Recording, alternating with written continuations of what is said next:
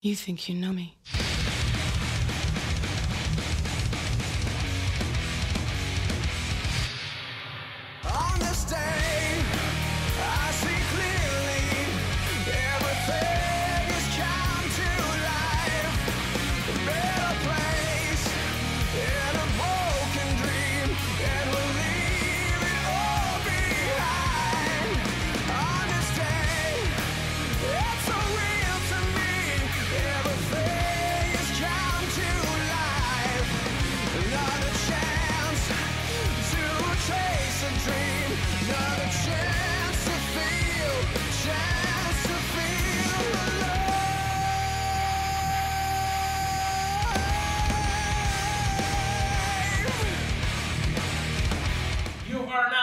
Listening to Royal Rumble Podcast, the champion of wrestling podcast in Indonesia. Bersama gue Alvin dan Randy. dan bersama kita ada seorang tamu yaitu sama gue Colby.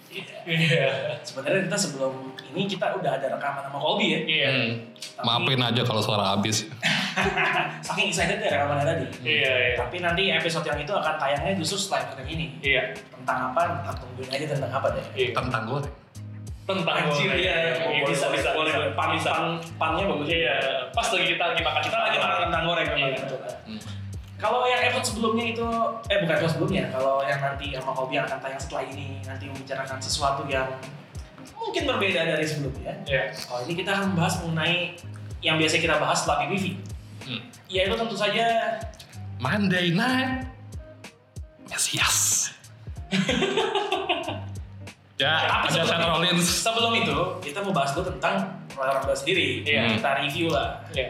Di mana dalam sebuah malam yang biasanya menciptakan bintang, Iya. uh, dan bintang yang tercipta di situ adalah kayak sih Drew McIntyre ya. Iya. Hmm. Tapi story paling besar itu bukan tentang Drew McIntyre. Kalah ya. Kalah. Kalah pamor Iya. sebenarnya. Kalau kisah yang lebih hebat yang nggak ada mungkin Drew McIntyre emang yang bakal Betul, betul, betul. menyita perhatian banyak orang. Tapi sayangnya bukan sayangnya sih sebenarnya Iya. ya. Tapi ada satu momen yang ternyata lebih berkilau nih, lebih diangkat sama media ketimbang Drew McIntyre. kemenangannya Drew McIntyre Iya. sendiri. Sebenarnya agak agak kesian sih Drew McIntyre, tapi ya tapi nggak nggak bisa dipungkiri bahwa momen ini bahkan buat gue pribadi pun Hmm. sangat berkesan. Berkesan ya. Yaitu kembalinya Adam Copeland. Adam Copeland, the Rated R Superstar, Edge ke ring WWE. Gimana menurut lo Colby? Eh, apakah lo expect Hmm. sebenarnya akan ada comeback dari Edge di Royal Rumble? Ya kalau melihat rumor pasti orang kayaknya ini, ah enggak, nggak mungkin gitu. Tapi kalau boleh throwback lagi ke SummerSlam 2019, gue malah lebih histeris duluan tuh ngeliat Edge karena lagi Elias tahu-tahu, iya ya? tahu-tahu, you think you know me gitu. Langsung kan berdebat dan saat itu apalagi hometownnya dia lagi Toronto Canada tuh tempatnya SummerSlam berada. Nah ya yang gue awalnya ngira itu malah sekedar ya stare off gitu or something like that. Eh tapi spear loh, nggak kasihan sama leher gitu loh.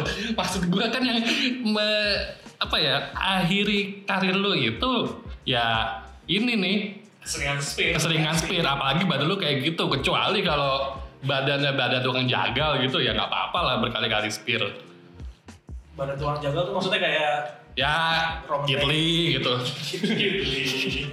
Tapi di momen SummerSlam itu yang dia ke Spirit Elias memang momen di mana tentunya dia sudah medically clear untuk melakukan Spirit lagi sih. itu dia. Dan sejak itu rumor mulai kencang tuh, apakah Edge bisa Kembali. kembali wrestling? Dan rumor itu akhirnya baru terjawab udah beberapa bulan setelahnya Iya. di Royal Rumble nih. Kalau menurut lu gimana maksudnya pas lu ngeliat Edge comeback apa sih yang lu rasain sebagai seorang fans WWE? Wah gila itu sih apa ya?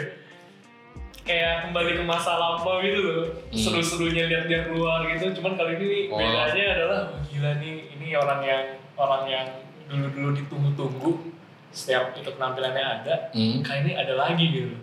Itu rasanya kayak terlahir kembali iya bener Renaissance Iya gitu. gitu. Kayak langsung wah ini gue berasanya jadi kayak lengkap gitu loh kemarin. Maksudnya orang terbaik di era yang sebelumnya gitu. ada uh, ya sebutlah Attitude Era ada Iya. perwakilan siapa Iya. Habis itu habis Attitude Era apa Ruthless Aggression Iya. and then PG. PG masing-masing sekarang tuh muncul lagi gitu dengan gua, gua gak tau ya biarpun eh Edge biarpun tetap Edge gitu tapi kali ini kayak ada warna baru juga gitu kesannya gitu Dari seorang Edge. iya kali ini datang gitu Kalau kalau gue melihatnya adalah selain dari faktor nostalgia tentu aja ya. Uh, my childhood is coming back gitu loh. Iya kan? Nah, tapi memang badannya tuh lebih bagus dibanding Hah, lebih kering ya Iya. lebih kering malah lebih stack loh. Perutnya lebih kelihatan six packnya banget Hmm. gitu pas sebelum dia pensiun kan setahun dua tahun belakangan badannya udah kayak bapak-bapak aja gitu. Hmm, Gemuk lagi ya. gemuk lagi. Udah cukup gemuk. Tapi ini dia comeback dengan uh, seperti yang dia bilang di Raw ya bahkan the best shape of my life. Iya. Hmm. mungkin karena tontonan film juga kali Bisa jadi sih. Bisa. ya. Bisa, Ah. badannya mesti lebih gimana gitu kan Hmm. pas jadi Bisa jadi, bisa jadi. Tapi emang momen kembalinya Edge kemarin tuh gila itu benar-benar ini sih ya gue tuh menyenangkan apa Iya, iya.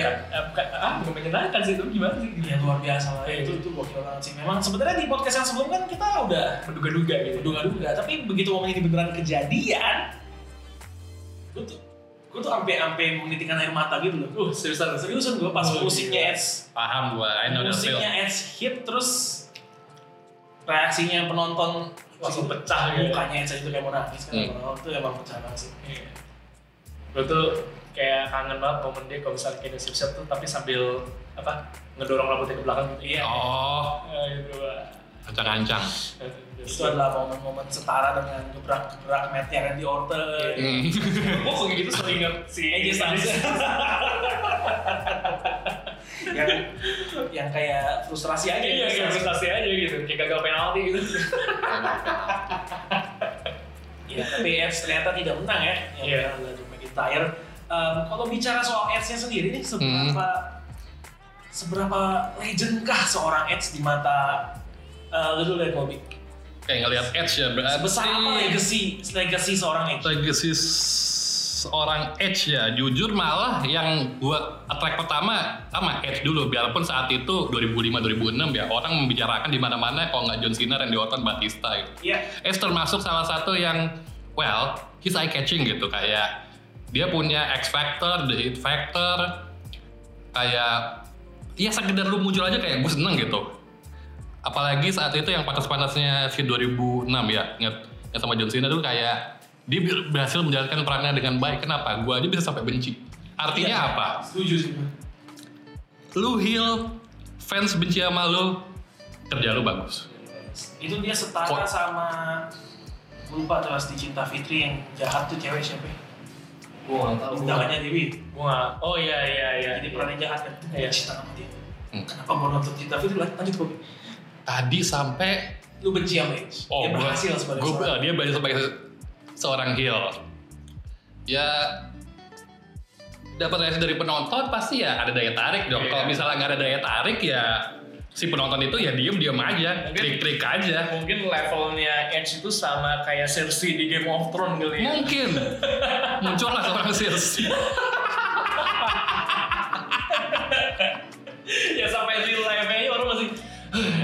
Bangsat nih. Cersei sama Joffrey Joffrey. Gue lebih ke Cersei. ya tapi itu emang hebatnya Edge ya. Itu hebat Edge. Gue juga setuju sih sama Colby. Gue Iya. juga dulu tuh ya nonton uh, Edge versus John Cena. Gue tim John Cena banget sih. Gue benci banget sama Edge. Tapi ya begitu dia pensiun tuh, eh, seiring bertambahnya usia, gue Iya. paham itu Paham. sebuah peran yang dia ambil tuh kayak baru. Tapi dia keren banget. Iya, dia emang keren banget deh. Dia emang Corbin pun juga pernah di media apa diwawancara gitu. Saya sebagai yang gimmick constable kalau nggak salah.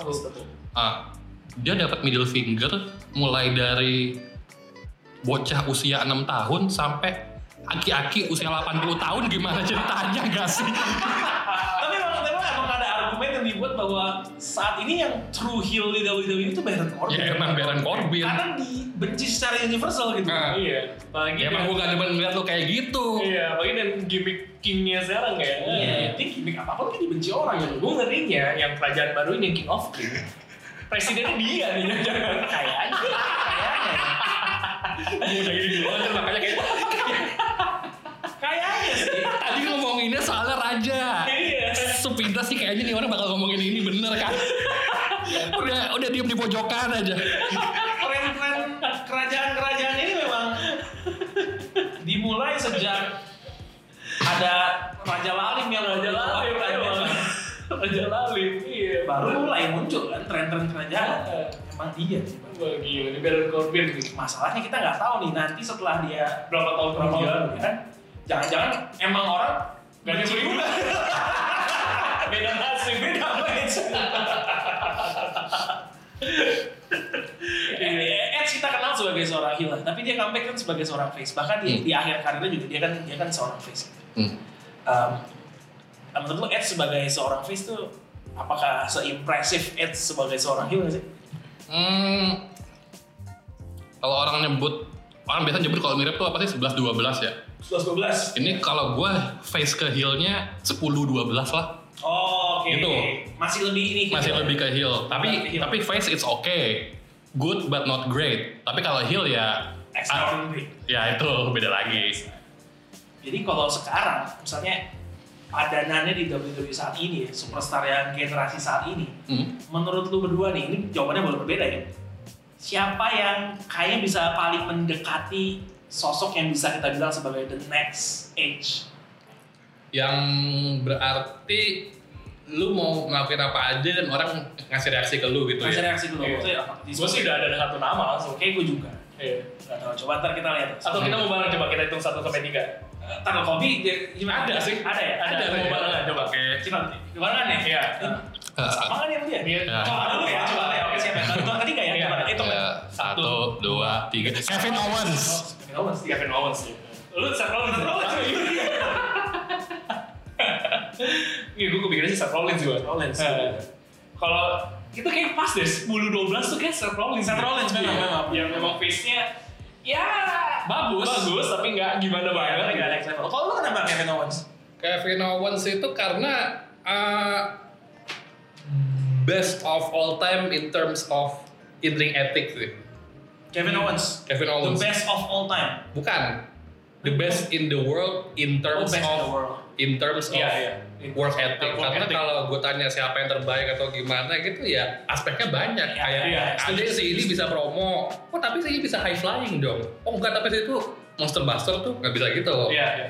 Iya, iya. Jadi dia the best dalam In terms Uh, of work ethic. etos kerja. Iya. Karena yang gue lihat dari di 2015 dia debut itu ya pertama kan dia sekedar sebagai apa sih tukang pukul ya. Ya belum ada gimmick waktu itu yang debutnya. Habis itu Later That Night yang dia turn on Sami Zayn yang Iya. informasiin kalau dia heel. Mulai dari habis itu dia jadi heel yang ngancem superstar lain bisa, heel yang kita begoin kayak Corbin bisa, heel yang jadi atraktif atau sekedar kita denger dia ngomong aja apa pun bisa gitu. Bahkan salah satu jobber favorit tuh pas dia lagi jelek-jeleknya Kevin Owens. Iya. Enak loh. Jangan ya, sebelum gimmicknya, eh, sebelum jadi face-nya sekarang kan sempat tuh. Kevin Owens, ngapain sih orang ada di nggak jelas itu kan. Tapi tapi gue bisa paham sih kenapa uh, Colby ngomongnya Kevin Owens itu karena dia juga model-model orang yang generally likable sebagai face juga disukai tapi best worknya dia adalah sebagai seorang heel. Heel. Kevin Owens. Kalau ada lagi sebenarnya satu nama sebenarnya The Miz. sih. Tapi kalau The Miz tuh nggak nggak 11 12 atau bahkan nggak 10 12 deh. 6 12 kali 6 12. Jauh Setengahnya malah. Iya, Setengahnya. Jauh jauh jauh jauh lah The Miz. Hmm. Awalnya malah kira heel abadi gitu. Bahkan Iya. fasternya dia ini kan karena secara alamiah aja. Bukan kalau faster yang bener-bener itu kan misalnya gue Randy tag team. And then uh, gue kayaknya butuh visi yang lebih baik. Oh berarti gue ke turn on dia aja. Iya. Berarti gue yang face gitu loh. Eh dia, dia gue yang Iya, heel. iya, iya, iya. Iya, dia yang face gitu. Oh The Miz ya terlalu aja sih. Kalau kalau lu kenapa Seth Rollins? Apakah cuma karena faktor bahwa dia lebih excellent sebagai seorang heel? itu salah satunya buat gua gitu. Kalau kan kita tadi kan karena emang kita mencoba menyamakan nih siapa sih kira-kira yang bisa agak-agak kayak Edge gitu. Ya gue lebih ngeliat sih rasa kayak dia yang lebih eh, cocok gitu dengan il peseknya heelnya seorang Seth Rollins setelah dia turn on dengan The Shield itu kan dapat tuh panjang banget prosesnya sampai lu sebelumnya sih bisa dapat lah dengan Hmm. ditambah ditambah cat rambutnya bikin gue itu ya yang kurang dari heelnya sekarang cuma itu tuh cat kuning sama yang ketawanya dia gimana? Lu inget gak sih kalau 2015 kalau nonton? Nah itu. Ya itu gitu kan. Nah itu tuh kan yang bikin dia tuh puncak banget gitu ya. Tapi satu sisi pas lagi dia comeback gak lama dia jadi face juga gitu kan itu tuh orang juga kangen gitu dia balik lagi gitu. Dan emang face sih oke sih. Tapi ya kayak yang kita ya nggak tahu ya yang mungkin yang kita bisa sepakati saat kurang lebih tadi barusan kita ngomongin ya dia tetap berbilangnya di heel-nya gitu ya yang emang memorable dan dia oke juga di situ Iya dan ke mana dia sebagai face kan di akhir-akhirnya orang-orang udah mulai turn on him gitu. Iya. Udah mulai ngebu dan segala macam. Sekarang dengan gimmick Monday Night Messiah-nya Hmm. fans balik lagi sih. balik, balik lagi terkabut lagi Iya, iya, emang fans sekarang Ya, kalau begitu. kata kalau kata Daniel Bryan yang heel fickle. Eh, saya seorang gentleman saya nonton wrestling tanpa perlu komplain itu Gimana? ini benar-benar penikmat sejati Dia berarti seorang Jack Gallagher. Gentleman. gentleman Gentleman. Uh, Edge kabarnya menandatangani kontrak itu sepanjang tiga tahun. Kontrak sepanjang tiga tahun dan dalam satu tahun at least tiga kali wrestling. Jadi dia kemungkinan besar maksimal lima kali setahun. Jadi nggak akan terlalu sering nggak akan terlalu sering. Tapi tapi untuk munculnya akan cukup sering. Untuk Wrestlingnya yang dibatasi. Nah, Untuk munculnya dia memberikan promo atau Hmm. apa itu akan cukup sering sih. Mungkin kita bisa melihat uh, ya dua minggu sekali mungkin bakal ada Edge gitu ya. Tapi ya, gue cukup excited dengan kehadiran Edge. Kalau mengutip kata-kata dia sendiri, at least he can finish his own career in his own terms itu yang mungkin kesempatan yang menurut gue patut diberi, diberikan lah untuk seorang. Karena yang 2011 itu kan adalah paksaan ya sebenarnya. Terpaksa. Dia belum mau pensiun sebenarnya tapi harus terpaksa. Tapi moga-moga bisa dimanfaatkan dengan baik ya sama WWE ya. ya Gitu. semoga ya harusnya dengan talent sebesar Edge yang maksud gue dengan comeback Edge gue ngeliat gila nih orang udah absen lama ya promonya masih gokil banget sih kemampuan ngomongnya dia gokil banget dan langsung disambut oleh tentu saja siapa lagi kalau bukan si ular beludak ya Iya. udah punya langsung nih konfliknya WrestleMania worthy Iya. favoritnya kita semua Master of Botch Yes. Randy Orton Randy Orton. um, nge- apa dia nge-interrupt promonya Edge untuk tadinya si bangsat emang begitu ya Iya. How about we reunite Raiden R- Raiden RKO one more time Eh, Mana tuh gue? tahu Eh. sendiri belakangnya Iya. si Raiden yang kena RKO Dan dan itu kayak eh, salah satu scene yang orang tuh banyak kayak lihatnya kayak gitu. Oh iya Tega gitu ya. Iya, Soalnya iya, ini ini udah posisi banget, di gitu. lehernya di- iya. kursi gitu kan ya Iya. Dan bangsatnya emang spotnya lehernya ya, Iya. yang yang di storyline-nya diincar Itu penonton di stadion juga kan reaksinya kayak uh, Iya. sampai megangin muka dan lain-lain gitu loh. Dan efek efeknya Edge tuh juga kayaknya ini banget gitu loh. Edge actingnya udah meningkat. Iya udah udah main udah- film.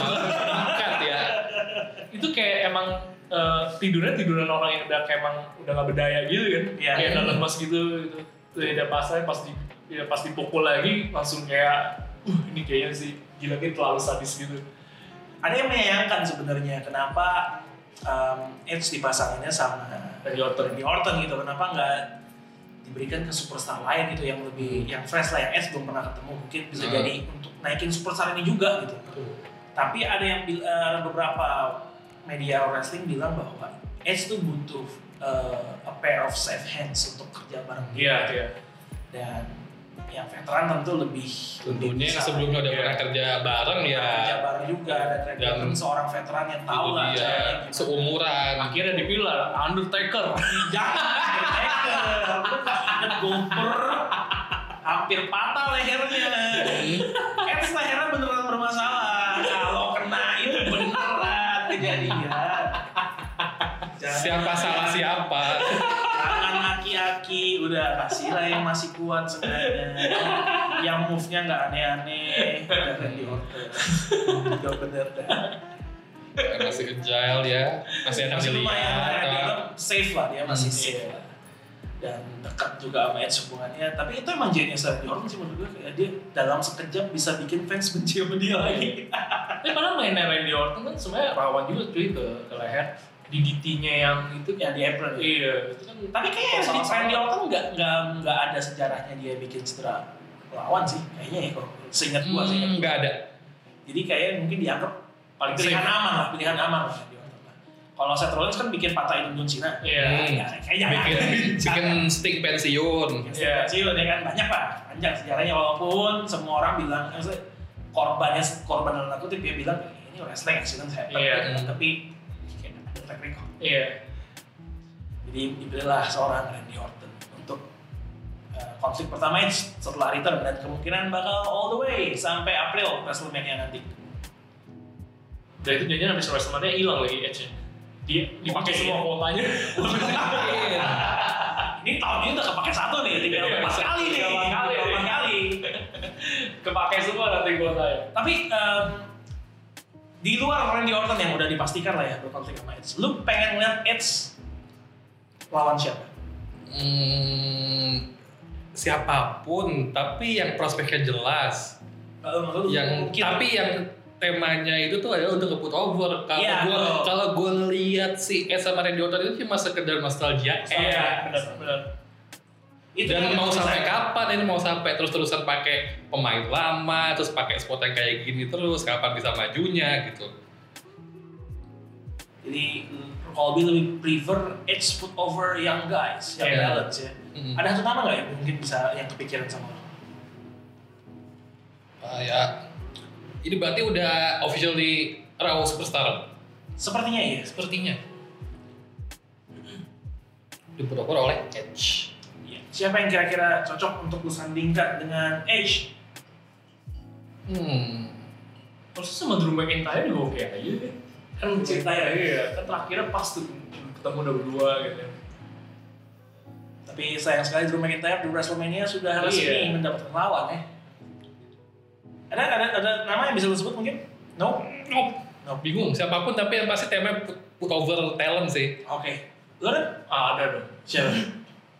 Gue tuh menambahkan nanti Edge itu eh, bertanding sama Roman Reigns, Goldberg, dan Ryback. Ryback enggak lah. Ryback sih kayaknya. Yang yang Agak yang sedikit ganjil loh. Tadi siapa Roman Reigns? Roman Reigns, Goldberg. Goldberg, Ryback. Oh, persamaan. oh, oh iya. Kenapa saya baru sadar ya? Tongkat kan tongkat. Ya. Tombak, tombak. Oh tombak ya, ya spear ya, sebut aja spear. Iya, bayangin mereka berempat sama-sama langsung spear ke satu titik. Be. Eh, patah lagi ya. Nah, Kalau Roman Reigns oke lah, itu sangat mungkin terjadi. Iya. Aki yang satu ini nih gue gak tahu. Apa kabar nih? Kan keren juga gitu kan. Keren sih. Gitu. Kan waktu itu eh, kolaborasi collab ya bahasa asik sekarang itu collabnya spearnya Goldberg sama Roman Reigns. Roman Reigns kan berhasil tuh Berhasil. bikin ke Braun Strowman. Roman ya. Ini mungkin bisa dibikin beda gitu kan. Collabnya tapi saling beradu gitu. Bung. Oh jangan salah, kita punya satu lagi kandidat untuk kontes speed ini. Siapa? Charlotte. Oh iya, Hmm. nyempil ya. Ini tinggal satu aja nih, tetap kalau nggak diajak dibilang Ormel panel. Ah, nah, dua. Ya, kok gue sih pikirnya gitu aja sih. Enggak, ini mah bercanda doang sih. Tapi seru kan ya, seru. Oh, tapi tapi seru juga sih. Iya, Roman Reigns kan yang di over kan gua Kalau gua, gua, gua nggak tahu ya siapa, tapi gua pengen lawan terakhirnya Edge itu seorang face. sih. Gua pengen Edge menutup karirnya sebagai seorang heel di mana dia paling bersinar. Hmm. Masih panjang 3 tahun kan, siapa tahu mungkin tahun terakhir dia bisa turn heel lagi. Sekarang sih nggak mungkin dia turn heel karena Ya, comeback tuh kayaknya nggak mungkin nggak heel mungkin deh. heal. Pasti It's the masih. same as opportunity. Iya. Mungkin tahun terakhir nih, tahun terakhir dia bisa jadi seorang heel lagi, jadi dia pensiun sebagai di- sebagai dirinya yang paling bersinar sebagai seorang heel. Nggak semuanya aja heal semua gitu, semua roster. Apa? Nggak semuanya heal nanti. Kalau gue ngeliatnya dikit-dikit heal, dikit-dikit heal. Ya kan ntar tiga tahun lagi kita nggak tahu, coba tahu ada face lagi kan. Iya emang nggak tahu sih, tapi ya mau Kayak kayak tapi ya mau heal gimana pun kita semua itu kan jahat dicerita orang gitu. Waduh, udah malam banget. Siapa Atau kayak Big Show, Big Show kan sering banget face heel, face heel, nggak jelas deh. Oke, kita sudah All Edge, kita berikan spotlight ke pemenang Royal Rumble kita, Oke. Drew McIntyre. Yay. How happy are you with Well- McIntyre winning?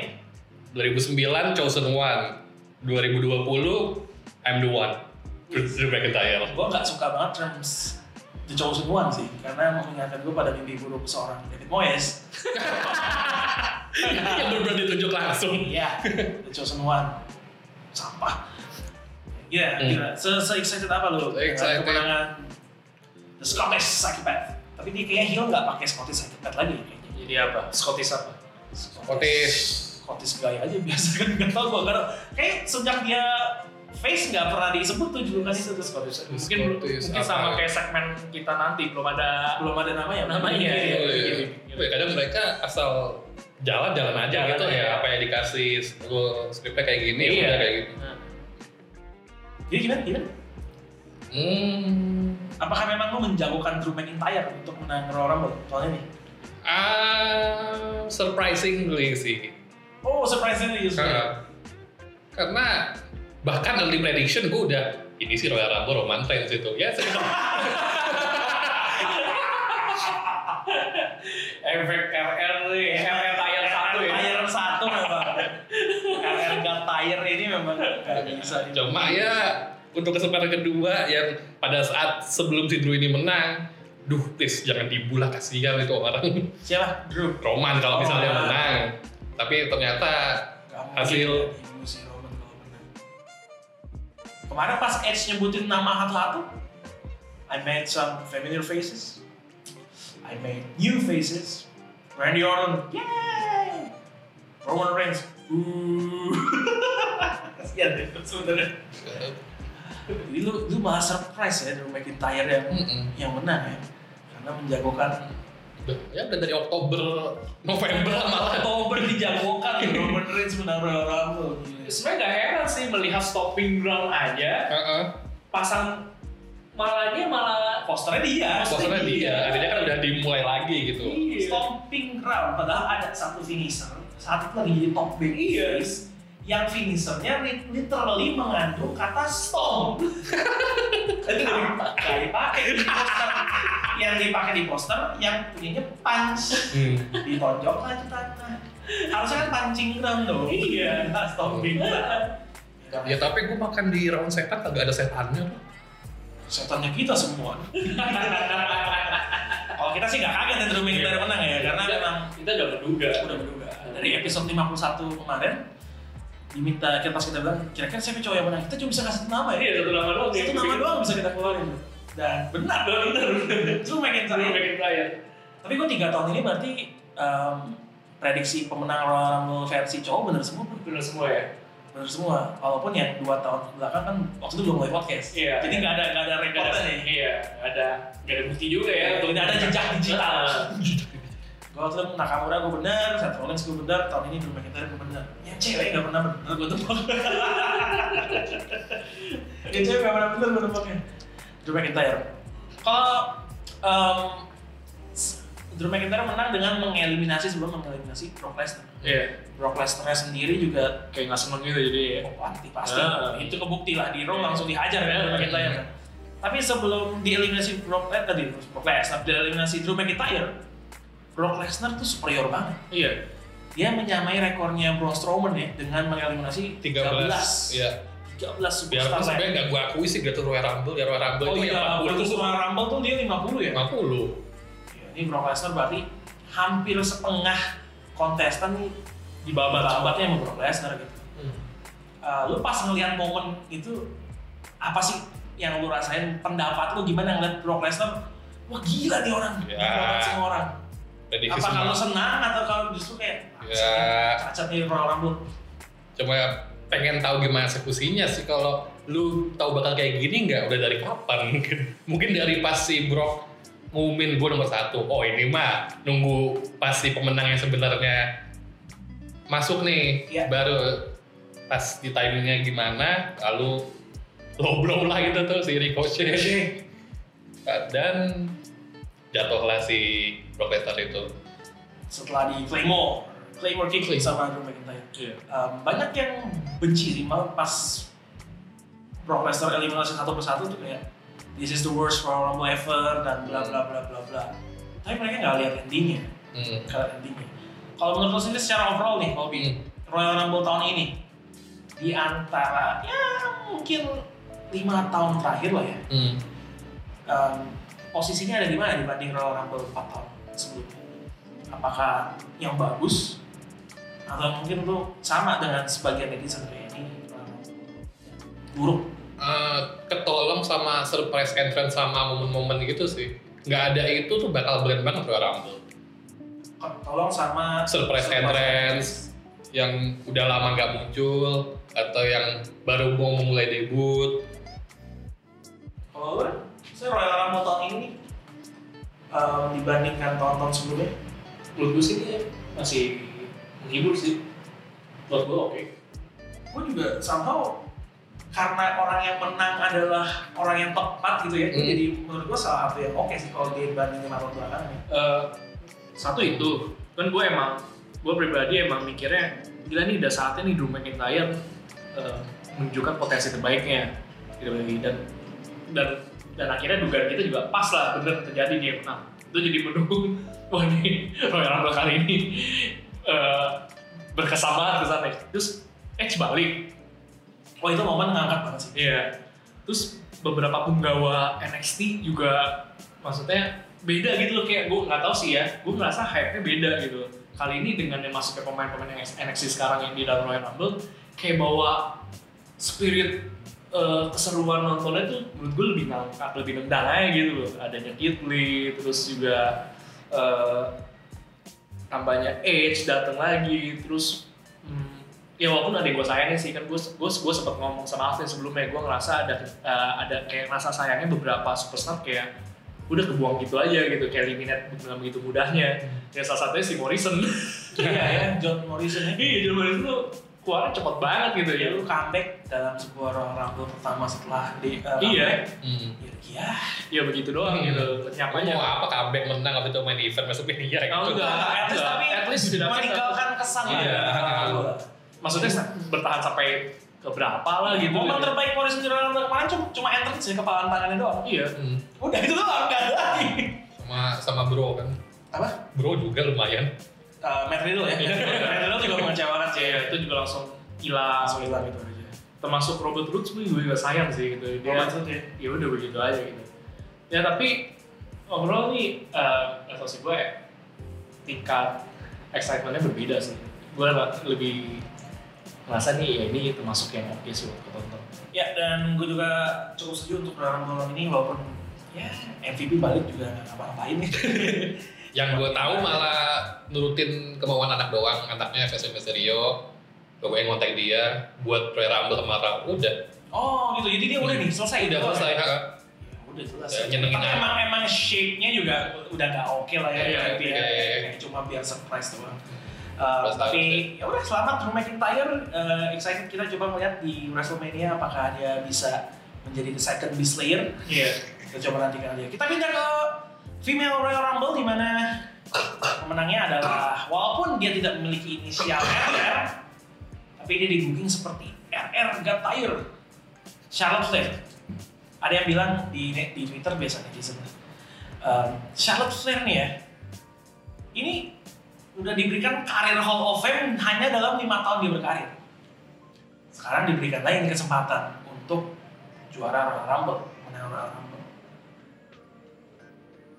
Lu termasuk pihak yang setuju Charlotte juara Royal Rumble, menang Royal Rumble, atau sebenarnya ya seperti mayoritas fans di sana ya, udahlah Charlotte cukup In between bro. in between. In between. Ya maksud gue kalau secara alpha female udah lima tahun belakang jelas. Jelas. Cuma sesekali kadang fans bosan aja gitu. Ayolah ganti gitu. Sini lagi naik gitu. Kalau female lu jagoin siapa sebenarnya?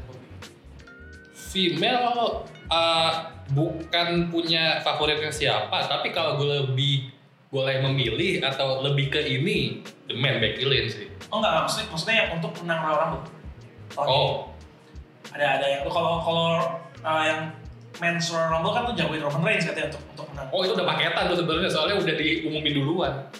Yang pas Roman Reigns uh, I'm gonna be the Royal Rumble itu udah lama itu. Iya. Kalau yang pas Charlotte ya karena kayaknya dia aja deh gitu. Oh jadi emang lo sebenarnya expect juga ya untuk Eh, Charlotte eh, eh. Kalau lu kan gimana? Tentang Charlotte menang ini? sebenarnya ini emang masuk dalam tiga tiga gue sih iya iya karena ya emang bingung juga ya kan kita sempat bingung juga nih kira-kira emang juga siapa potensi yang bisa eh, memenangi Royal Rumble versi ceweknya gitu akhirnya balik-baliknya ngeduga ngeduga emang orang-orang yang lama juga gitu ya Becky Lynch kayak nggak mungkin eh, Asuka juga kayak nggak mungkin terus eh, Bayley juga nggak mungkin yang lainnya biarpun Shayna Baszler sempat datang ya ternyata Enggak juga ya? juga gitu ya, sih ya. kayak emang ngerucutnya ya ke situ lah jadinya tuh si Charlotte itu Charlotte. Um, tadi aku pick Sasha ya. Tapi ternyata dia nggak medically clear buat di main.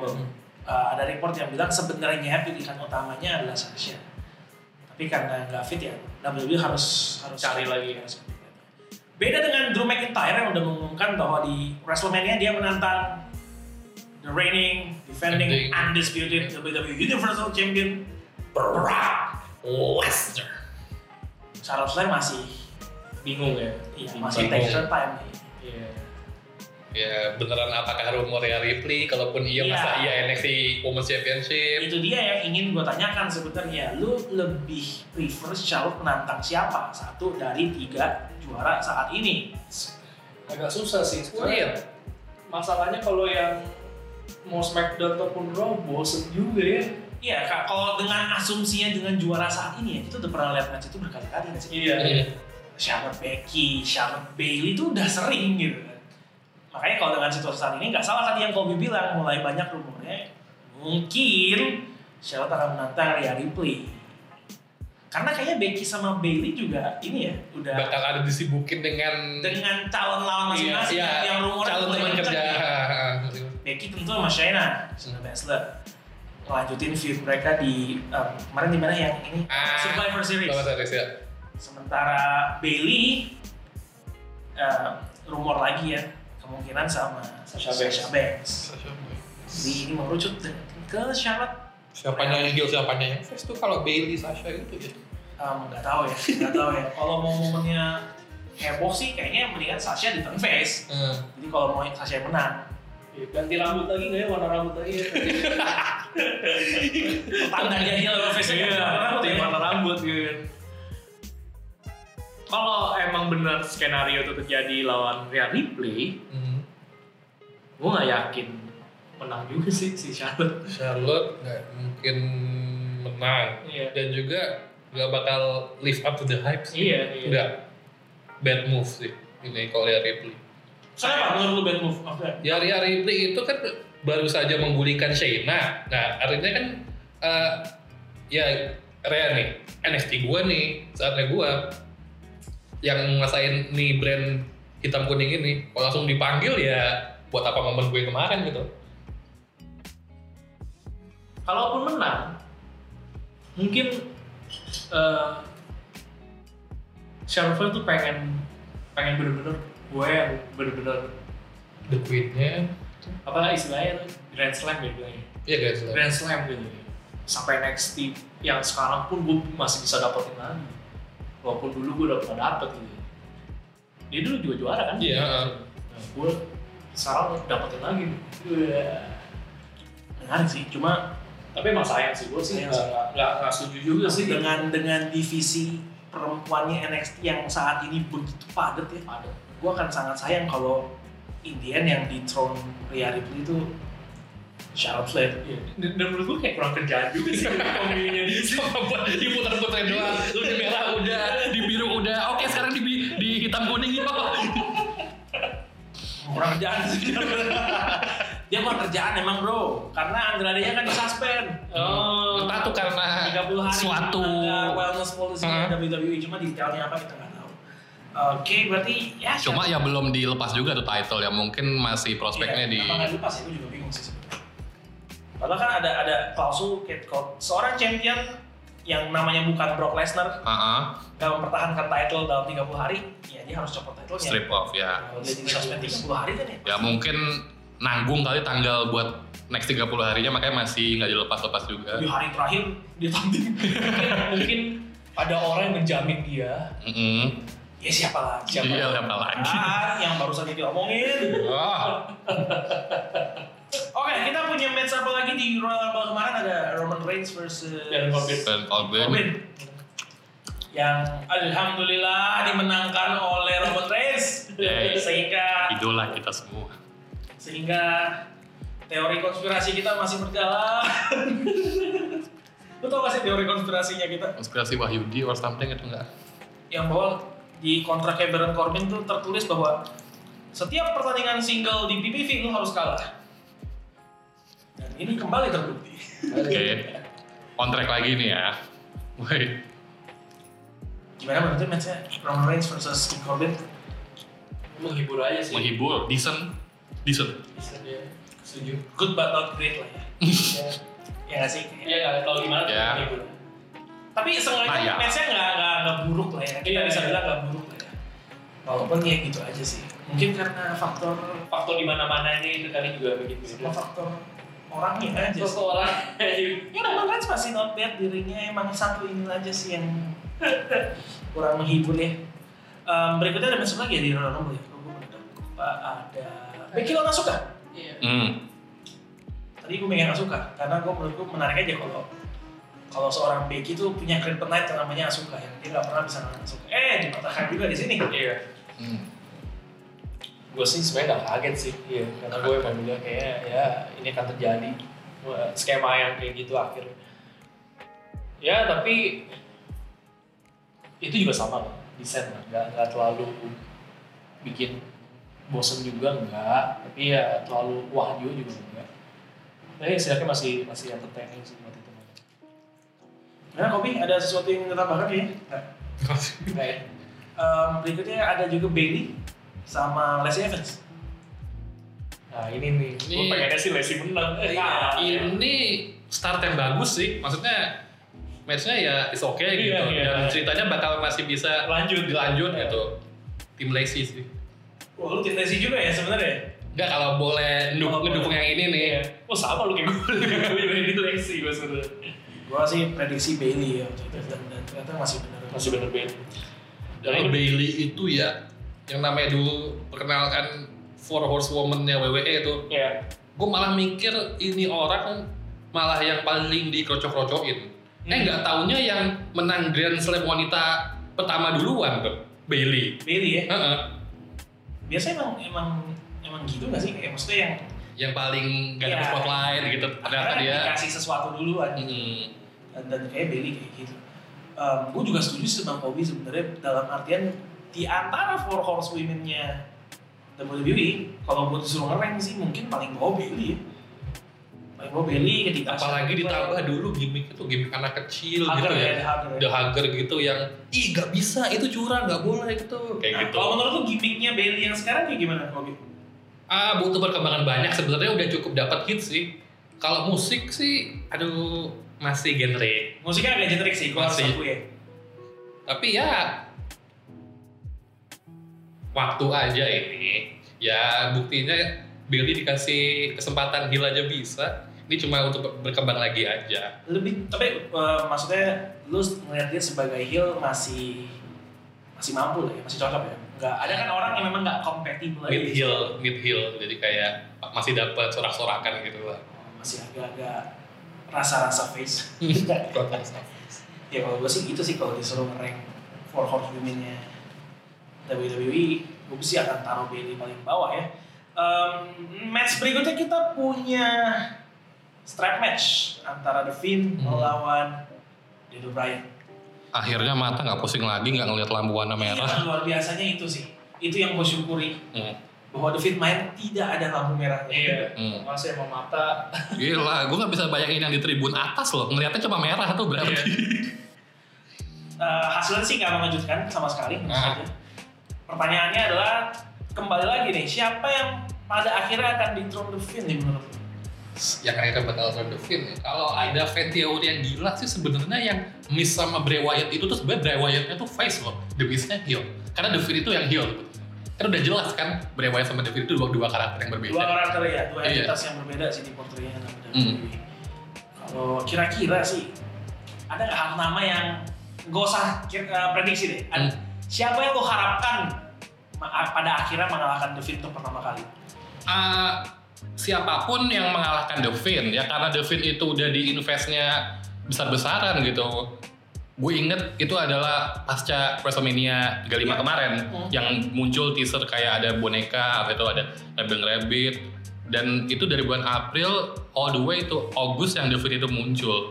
Jadi ya siapa yang bisa ngalahin Fiend nanti siapa pun itu yang diinvest besar-besaran juga. Ada mau sebut nama nggak?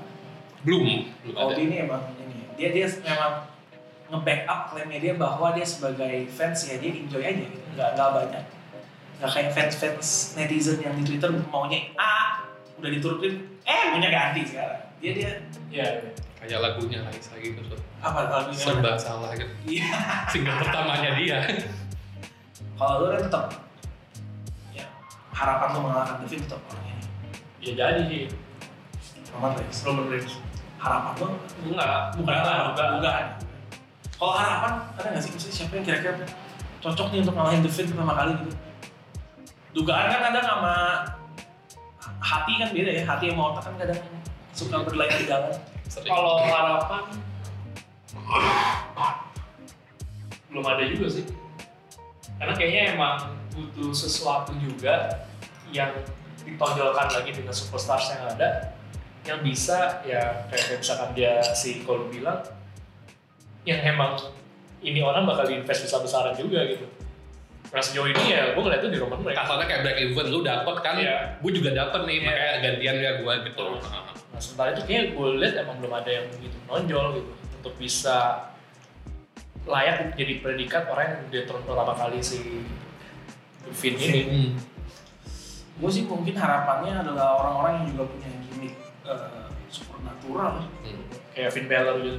iya tapi kalau Finn Balor kayak sih nggak mungkin ya kayak Iya. karena ya dia baru di NXT masa terus Hmm. dipasangin The Fiend kayak mungkin ya gue mungkin kalau setuju lo gue pengen gue ngelihat si Balor itu pensiunin aja gimmick bah demonnya dia karena buat gue supernatural tuh lebih ke big guy sih kalau small guy buat gue di NXT mending Finn itu lebih ke yang kayak NJPW dulu NJPW dulu aja gitu Hmm. Tapi buat gue. menurut gue, gue tuh sebenarnya waktu dulu di podcast dulu gue udah bilang bahwa gue sebenarnya pengen Finn Balor itu punya rekor kayak Undertaker tapi di SummerSlam hmm. karena sejauh ini kan dia di SummerSlam Di SummerSlam undefeated nih. undefeated dia. Dan yang fun fact yang ternyata gue juga baru nggak itu yang ngalahin Demon itu tuh cuma Joe Samoa tahun Joe. 2016 Iya, dan bahkan NXT, di NXT. NXT cover ya. Nah, dulu kan NXT hitungannya adalah uh, Masih Developmental developmental brand ya.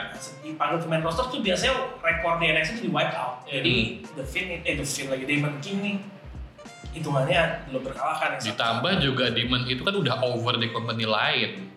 Vince itu Iya. kan lebih suka kalau gue nggak push original gimmick. uh, hasil tangan gue sendiri dong. Itulah kenapa The Fiend bisa bisa Hmm. Karena itu originalnya Bray Wyatt. Iya.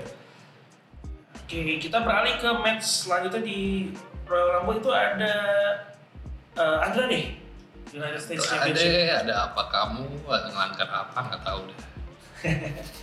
yang berhasil mempertahankan title-nya dan yang satu lagi adalah Sheamus lawan Sotigi dan juga nggak ya nggak mengejutkan Ah, lah ya cuma- Sheamus yang menang ya Eh, ngenotis aja sih ini Sheamus. Iya. Dia masih bisa bergulat, dia menang. Live. jadi itulah Royal Rumble secara keseluruhan Hmm. mau kasih rating berapa dari 1 sampai 10 Satu sampai sepuluh. Hmm, kalau nggak banyak miss opportunity di Royal Rumble yang Profesor lalu cepat menyingkirkan si ini sih bisa 9 tapi ini 87 deh. Gue 8 setengah. 8 setengah ya mau kasih 9 karena Edge Hmm. kan di apa di podcastnya Komrek Mania tuh yang kita datang yang kita Jadi kita- ya. kan fotonya siapa superstar favorit of all time lu Bojok Edge jadi gue kasih rating 9 Moga-moga kan kita datang tuh sebagai tamu ya. Iya. Moga-moga nanti suatu saat kita koordinat lagi benar-benar datang sebagai bintang tamu ya. Oh ya, kan. Iya. Nggak ada bintang. Gak ada bintang. Aduh, doang kita. Oke, kita pindah ke eh sebelum pindah ke rumornya di backstage Royal Rumble ada hmm, nggak selek sih, tapi ada percakapan antara Brock Lesnar dan Matt Riddle. Oh, yang itu cukup menarik, tapi gue butuh beberapa konfirmasi dari berbagai pihak sih. Betul, masih di ini masih Iya, di iya. rumor ya. Unscripted. Unscripted. Unscripted, Unscripted. jadi Karena kayak Riddle itu kan sering di sosmed nyebut nama dua nama sering disebut Iya. ya kan Brock Lesnar dan Goldberg. ya Nah, katanya Brock Lesnar tuh nggak appreciate dia, dia guna-gunain nama dia untuk Hmm. untuk ya kan orang untuk untuk pansos gitu kali ya. salah Pak Sos karena tahu sendiri Riddle gitu yang kayak tweetnya dia I want to retire Brock Lesnar at WrestleMania or something like that Ya gitu sering lah Ah. mencatut nama Brock Lesnar bukan nama dan lain-lain. Hmm. Disamperin sama Brock Lesnar di backstage, ditepok pundaknya katanya. Gak usah sebut nama gue lagi. nama Gue lagi, gue nggak akan pernah kerja bareng lu. Hmm. Kayak masa gitu. Cuma katanya nggak ribut sih. Uh, Matt Riddle ini ribut. juga kalem. Kalem. Ya, dan Brock Lesnar itu bukan uh, apa? Kayak datang buat kayak ngelabrak gitu. Bukan, ya, ya itu cuma Apa coba buat kelakar apa guyon aja gitu? I don't know, maksudnya ini kan masih rumor, Hmm. uh, simpang siur juga, Rumor, Tukang simpang juga, siur. Tapi rame sih rumornya emang jadi Kalau kata warga plus 62 apa? tuh? Katanya. kabar burung. Ah. Kabar burung. Katanya. Katanya. Ya, kita nggak tahu lah Nyanyi siapa juga nggak tahu. tahu. nyanyi siapa juga ya. Eh, jadi cuma ada rumor itu aja. Eh, kita pindah ke Raw, di mana ada beberapa match nggak tahu menarik apa enggak. Eh, menurut gue Raw kemarin cukup menarik. Segmen dibuka oleh Drew McIntyre. Yang mendeklarasi. Hah? Yang, mendel- yang mendeklarasikan Deklarasi, dia. deklarasi untuk menantang Brock Lesnar. Pria yang dia eliminasi di Royal Rumble. Hmm. Udah kita prediksi sih dia pasti nantangnya Brock Lesnar. Kemudian dilanjutkan matchnya Rey Mysterio versus MVP. Iya. Hmm. Ya, MVP ya, Ya. udah gak, gak inilah ya MVP ya. Hmm. Udah out of shape. Kayaknya juga tanding kalau bener kata Kobe, udah itu udah hilang aja abis itu. Iya. Cuma filler match biasa. Eh, kemudian Aleister Black juga kembali melawan lokal kompetitor. Black Mass selesai, nggak ngerti gimana maunya. Yang cukup seru adalah Samoa Joe Kevin Owens melawan Seth Rollins dan Buddy Murphy. Iya. Ini tag team dua pria berbadan kecil. Iya berbadan kecil, yang satu dengan gimmick ketuhanan ya, Mesias apa sih istilahnya? siapa Iya. Juru selamat. Juru selamat ya. Nabi. Nabi. Nabi yang satu juru selamat, yang satu temannya. Buddy. temannya Iya. di pojokan. Yuk, tag team sama gue. Erban. Erban. Sayangnya match ini berakhirnya dengan kurang enak karena Samoa Joe menderita cedera. Hmm. Jadi makanya uh, Ya. beberapa saat terakhir, momen-momen terakhir itu Kevin Owens sendiri Hmm. dua lawan satu. Karena Samoa Joe beneran cedera, jadi harus meninggalkan pertandingan di awal. Karena mencoba ini apa, dive. Dive. Uh, matchnya sendiri gimana? Ada yang, gue sih jujur sebenarnya Raw kemarin gue belum sempet lihat sih. Karena mas lagi sibuk banget di kantor, jadi gue belum sempet. Gue cuma lihat doang. Hmm. Tapi kalau lihat dari highlightnya sih ya, ya lumayan seru. Itu eh, atraktif lah, Hmm. atraktif. Body Murphy juga menurut gua eh, oke juga. Ya so far sih sebenarnya menarik sih sampai akhirnya gue juga bingung kalau gue pas lagi emang lagi, lagi lihat highlightnya, tau-tau udah sendiri aja terus. Oh iya, sama. Sering tuh Iya, ada kayak gitu. Gue nggak tahu kenapa, ternyata cedera gitu. Iya, yang menarik juga Seth Rollins abis itu nge-tweet sih, maksudnya kayak ya it's easy gitu kan Hmm. for the most of the match kita tuh dua lawan satu kayak Iya. ini Nge-tweet, nge-tweet pakai gimmick ya. iya ya tweetnya kayak masih in karakter gitu tapi in a way ini jadi kayak sebuah apa ya sebuah langkah apresiasi apresiatif dari Seth Rollins buat Kevin Owens dan Samoa Joe sih berbeda sama Seth yang kemarin Twitternya bangsat yang gak Hmm. jelas Hmm. yang kali ini cukup pintar nih dia menggunakan sosmed dia dia actually knowledge bahwa dia menang karena dua lawan satu gitu kurang lebih. Iya. dengan bahasa dia Dengan bahasa heel. Gitu. Eh, menarik juga untuk lihat Eh, kemudian ada kembali lagi Humberto Carrillo melawan Andrade um, di sebuah match yang didesain untuk Andrade menghilang Hmm. karena match ini di mana dia di Dan kabarnya lagi malah dia dikasih tahu dia itu bakal disuspend ya pas hari itu juga. Tapi yang penting dia bergulat dulu aja. Bergulat dulu. Iya. Jadi cara untuk mengirim membuang Andrade itu ya DDT ke itu di konkret. ya konkret Iya. floornya Floor. dibuka matnya pelindungnya di handblock di di sana Jadi seolah dia cedera. cedera jadi dia akan hilang 30 hari ke depan karena disuspend um, gue pengen tahu pendapat Kobe nih kalau Randy gue udah tahu pendapatnya soal Humberto Carrillo gimana Hmm. lo melihat Humberto Carrillo ini punya potensi nggak sih untuk sebagai main event Oh jelas, jelas ya jelas. Eh, semua potensi ya semua inting tactic itu ya well kita nggak tahu apa yang terjadi itu ya di ring. Cuma dari bagaimana mereka memakai Humberto sih ya mereka menggunakan dengan benar.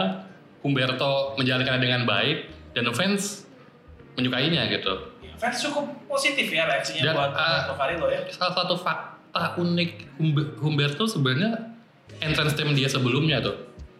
Karena yang gue lihat itu adalah Humberto sering ditaruh di match opening. Alasannya apa? Karena entrance teamnya dia.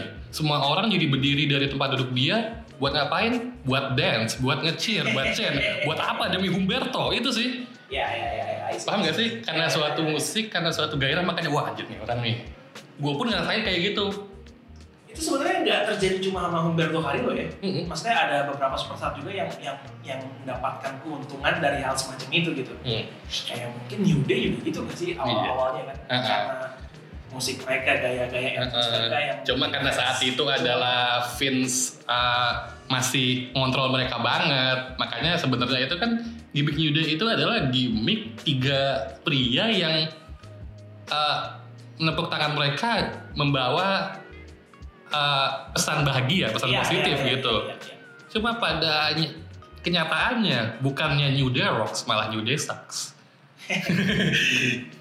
Tapi sekarang udah berbeda ya? Dan sekarang nggak berbeda. Em, kita pindah ke Charlotte Flair melawan Asuka nggak selesai matchnya karena ada campur tangan. Kairi Sane no contest No contest, tapi ini sekali lagi menegaskan superioritas Charlotte yang di mana superstar level Asuka aja tuh nggak bisa mengalahkan dia one by one gitu. Hmm. gue gak mau nyorotin Charlotte-nya, gue mau nanya soal Asukanya nih sama Hmm. Kairi Sane-nya nih. Menurut lo mereka siap disia-siakan gak sih untuk sebagai seorang uh, Women's Tag Team Champion gitu? Apa nggak sebaiknya mereka dibiarkan sebagai single superstar aja? Cuma karena masalah kan mereka itu kurang mumpuni ya promo Inggrisnya gitu. Iya. Jelas. Eh, mereka menjadi diri mereka yang gue maksud di sini adalah mereka berdua itu Japanese and then they both act as Japanese gitu maksud, maksud gue mending mereka melakukan sesuatu yang buat mereka tuh keren aja gitu kalau ibarat ada superstar dari ras ini gitu oh kamu dari orang ini ya oke gimmick ini kayak ngasih stigma aja gitu Ya, menurut gue itu juga cukup sia-sia sih dengan dengan bookingan juga nggak jelas sih sejatinya. Iya. Tim champion juga kapan mereka mempertahankan title juga nggak jelas. hmm. Ya agak sayang aja. Lawan pastinya kayak nggak ada ya buat Nggak ada, ya, ya. nggak ada. Ini, ini sekali lagi menegaskan bahwa sebenarnya WWE belum siap-siap amat sih untuk punya divisi tag team perempuan. Iya. Dan kasihan Asuka sama Kairi Sane aja sih karena mereka kita udah tahu kan di NXT sebagai single superstar tuh Ya, mereka dapat apa. booked ya. Dan, tapi ya memang kata Kobe tadi gitu sih superstar superstar dari negara lain khususnya banyak kan Jepang ya Iya. punya kendala. Ya telah Shinsuke Nakamura dia butuh Hmm. seseorang untuk menjadi Sampai terpaksa banting setir tuh orang orang yang terpaksa banting Hmm. setir menjadi seorang public speaker. Padahal si company sendiri bilang dia punya shoulder injury, tapi kok ya eh, kelakuan kayak begitu sering ngeliat nggak sih yang itu? Joget-joget ya. Ah itu, heeh. Awas katanya awas. katanya shoulder injury. Tapi joget itu kayaknya uh, udah kayak nggak punya tulang. Eh, kita pindah lagi ke 24/7 Championship. Sekarang siapa sih yang megang tuh? Nah, iya, Muncul. iya. Untuk kali pertama, kayak for the first time in forever, kita bahas 24/7. Iya. Juaranya bukan Arthur sih. kali ini Mojo Rawley dan dan Mojo Rawley, Mojo Rawley. Mojo Dan, Mojo Rawley ini memberi menurut gue memberi warna baru sih buat 24/7 di mana dia declare Gue nggak akan ngumpet, Hmm. mau nantang gue kapan aja silakan. Tetap saja dia nggak seorang Mujurobli. iya sih. Itu itu yang mau gue tanyain sebenarnya apakah langkah ini bisa menjadi eh, revitalisasi karir seorang Mojoroli? Ah, malah yang ada malah penguburan karir nih. Menurut gua karir terbaiknya Mojololi dia menang itu doang tuh. Andre the Giant Iya. yang Battle Royale ya? Astaga itu dia ya. Iya, waktu itu dia menang, sempat menang ya. Iya, ya, sejak itu turun, mencoba ganti gimmick dengan kaca-kaca pecah itu tiga minggu nggak dilanjutin, nggak jelas dia Iya. Rolling sebenarnya. Dia kayak lebih hebat menang itu dibanding Steven Seven. Kita coba lihat lah ya, Mojo Rolling ini ka- langkah ini apakah tepat untuk karirnya atau enggak? Karena dia sekarang akan dikejar-kejar banyak orang. Ini gelar ketahuan banget gak prestisius. Jelas. Iya, karena kalau emang prestisius, Brock Lesnar pasti memanfaatkan kesempatan dia F5 si Arthur. Arthur untuk Ngepin ya? ngepin. Ini nggak di skip. Iya, di skip ya. ya. Menarik kalau tahu-tahu. That's what's up. Not scared. Not scared. Simple banget omongannya. Oke, gua gua penasaran nanti kalau sama Drew McIntyre bakal ngomong apa gitu. Apa pun tapi dengan logat Scottish gitu. Nggak bakal ngomong sih Brock Lesnar ya mungkin kali. Kemarin kan dia hajar. Iya, tapi ngomong apa-apa. Mungkin dia bingung kali, waduh. Gua. Cukup. iya, ngomong pendek apa nih gue yang bisa not scared. That's what's up. Apa itu? Brock bakal ke Heyman kayak zaman 2013 backstage. Paul, say something stupid. Brock pernah ngomong gitu loh. Iya, iya, iya. Siapa tahu, kita nggak tahu. Karena Brock Lesnar tuh suka karena kalau dia ngomong emang udah something stupid keluar sih mas. iya. Anything he do, anything he says. That's what's up. That's what's up. Gue suka banget tuh omongan itu. Eh, terus ada match ya, aduh ampun dah gue nih gue nggak tahu ya. Liv Morgan lawan mana? Uh, Captain Marvel. Captain Marvel satunya. Iya, benar-benar. Ih ngomong MVP jadi Black Panther ya. Dia, dia kata pakai belum ngomong itu. ya. Nah, yang di Raw, yang di Raw jadi Black Panther deh. Rey Mysterio di Royal Rumble topengnya tuh agak-agak Batman sebenarnya. Lihat ya? Agak-agak ada tanduknya. Oh. Ada Ya, gue cuma hanya hitamnya doang. Ada yang tertarik dengan storyline Liv Morgan dan Lana? Hmm. Kalau nggak ada kita skip aja karena gue juga nggak tertarik sebenarnya. Gue tertarik sama Liv Morgan ya tapi nggak sama storyline-nya. Tidak ada, kita lanjut saja. Eric Rowan, ada yang masih tertarik dengan isi kerangkeng Eric Rowan? Nggak ada. Lanjut. Yang terakhir kita punya The Return of the Rated R Superstar ke Oke. Raw. Nah, ini juga segmen yang membuat gue juga terharu. Uh, Edge masih dapat reaction juga dan ya dia cerita lah dia sempat cerita kan bagaimana dia kerja keras sampai akhirnya dapet sini dia uh, memberikan planning masa depannya sebelum akhirnya diserang sama Randy Orton Iya. yang udah kita bahas di rangka tadi jadi kayaknya nggak perlu kita bahas lagi dan ya kita lupa mention di awal bahwa ini rekaman kita biasa rekaman itu kemarin ini rekaman hari minggu pagi Iya. Kali ini kita rekaman khusus nih di hari Rabu Iya. jadi NXT belum tayang Smackdown juga belum saya sayang. belum tayang makanya momen pemba- ah, pembahasan kita poinnya udah selesai Iya. Tinggal udah selesai nih jadi sampai Raw aja nanti kita lihat aja lah di NXT sama di SmackDown bakal ada apa Ya terasa cepet ya. Padahal cuma dua acara ini. Iya, iya. Ya, NXT literally bakal besok tanding, cuma kita karena rekaman Rabu, Hmm. nggak bisa kita bahas. Jadi, Dan kita nggak bisa bahas apa World Collide nggak bisa. Worlds Collide kemarin, ya Worlds Collide. Hmm, gue cukup surprise Imperium menang sih. Imperium ya. Wah itu loh. Ya, Belum ada kayak yang raid loh. itu Undisputed. lemah, itu makin menegaskan bahwa Undisputed Era akan makin dispute.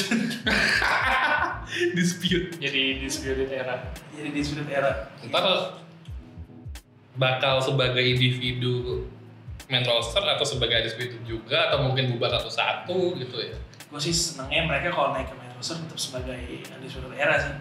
Karena mereka sebagai faction tuh, aduh udah Klop ya. dapet banget deh gitu gue gue Hmm. gue seneng banget sih sama Undisputed Era jadi harapan gue connect main roster ya tetap sebagai Undisputed Era jadi gitu ya Eh, oke thank you Kobe sekali Yeay. lagi nih ya untuk datang ke Royal Rumble Podcast Aku yang makasih.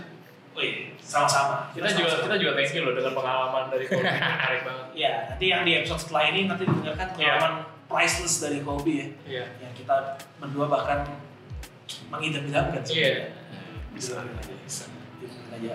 Ah, sebelum kita tutup, kita mau ingetin lagi Ren, Iya. bahwa kita masih punya giveaway, Iya. yaitu 100.000 ribu untuk dua orang pemenang, Iya. masing-masing mendapatkan eh, imani sesuai pilihan kalian. Iya. Bisa GoPay, bisa OVO. Iya. Caranya gimana? Caranya kalian update aja IG di feed ataupun juga bikin tweet di Twitter Hmm. dan yang pasti di mention ke kita dan juga di tag kalau misalkan di di Twitter ya di mention kalau misalkan di IG ya kita di tag intinya kalian sharing pengalaman kalian kesan kalian selama kita akan hampir setahun ini Royal Rumble ID mengudara di podcast kalian ceritakan pengalaman kalian eh, selama mendengarkan Royal ID nanti yang beruntung yang menarik yang kita anggap wah ini eh, seru juga buat kita jadikan sebagai orang terpilih iya itu nanti bisa mendapatkan hadiah yang tadi sudah disebutkan. Yang penting jangan lupa eh, di mention ke kita dan juga atau nggak di tag. Gambar bebas apa aja berhubungan dengan cerita kalian dengan Royal Rumble ID Yep. Paling ya itu gitu ya mungkin nanti kita eh, boleh kalian tulis juga di story mungkin buat orang gampang lihatnya Iya nanti akan eh, di mungkin di awal Februari Iya. gua akan tulis juga di Twitter dan di Instagramnya untuk kalian bisa lihat. Iya. Nanti akan dua orang menang masing-masing mendapatkan seratus ribu dalam bentuk imani. Ini mumpung ada Kobe di sini, boleh kita minta testimoni singkat kali? Oke, ya, Boleh, oke. ya. Pengalaman pertama dengerin Rumble gitu. Pengalaman pertama dengan Rumble itu uh, musiknya dulu ya. Itu kayak yang bikin itu sendiri gak sih? Kalau gue berapa kali ini nih, this is a this is a wrestling podcast gitu. Kalau berulang-ulang ya enjoy. Ya karena awalnya musiknya dulu. Habis itu pas dengerin pertama tuh masih gue pakai ini gak sih? Masih pakai uh, intronya New Day gak sih? Oh, Indonesia gitu ya. Ada nggak? Ada gue yang- lupa. Ingat. Soalnya kan gue sempat mau ngikutin Biggie tuh. Iya. Don't you dare be sour. Gue sempat pakai itu di awal-awal tuh. Selama cukup panjang sih Hmm. pakai itu. Ya tempatnya itu cuma diganti Indonesia aja ya. Iya, iya, iya. Itu gue ini sendiri. Rekam di- sendiri ya. Atau kirim Tapi mendengarkan Rumble Podcast awalnya, awalnya gimana sih? Apakah merasa Ya kayak oh apa banget sih gitu? Enggak juga, justru malah ya gue ngomong sendiri kok sama ini ya biarpun ya tongkrongan gue juga omongannya ini ini juga Iya. bedanya ini kan bakal didengar gitu ya cuma yang gue tertarik di channel ini kayak ya layaknya gue kalau nonton wrestling itu santai sama teman juga santai kayak gini aja gitu Iya, sambil iya. nonton sambil bahas apa Ya, itu soal Colby pertama mendengarkan kita. Ya, teman-teman boleh share juga. Iya. Lupa di tag dan di mention ke kita mention kita. Nanti akan kita hubungi pemenangnya. Kalau begitu terima kasih sekali Kobi. iya Terima kasih juga para pendengar setia Royal Rumble Podcast. Kita akan jumpa lagi di episode yang akan datang. Tentunya bersama gue Alvin. Gue Randy. and you can believe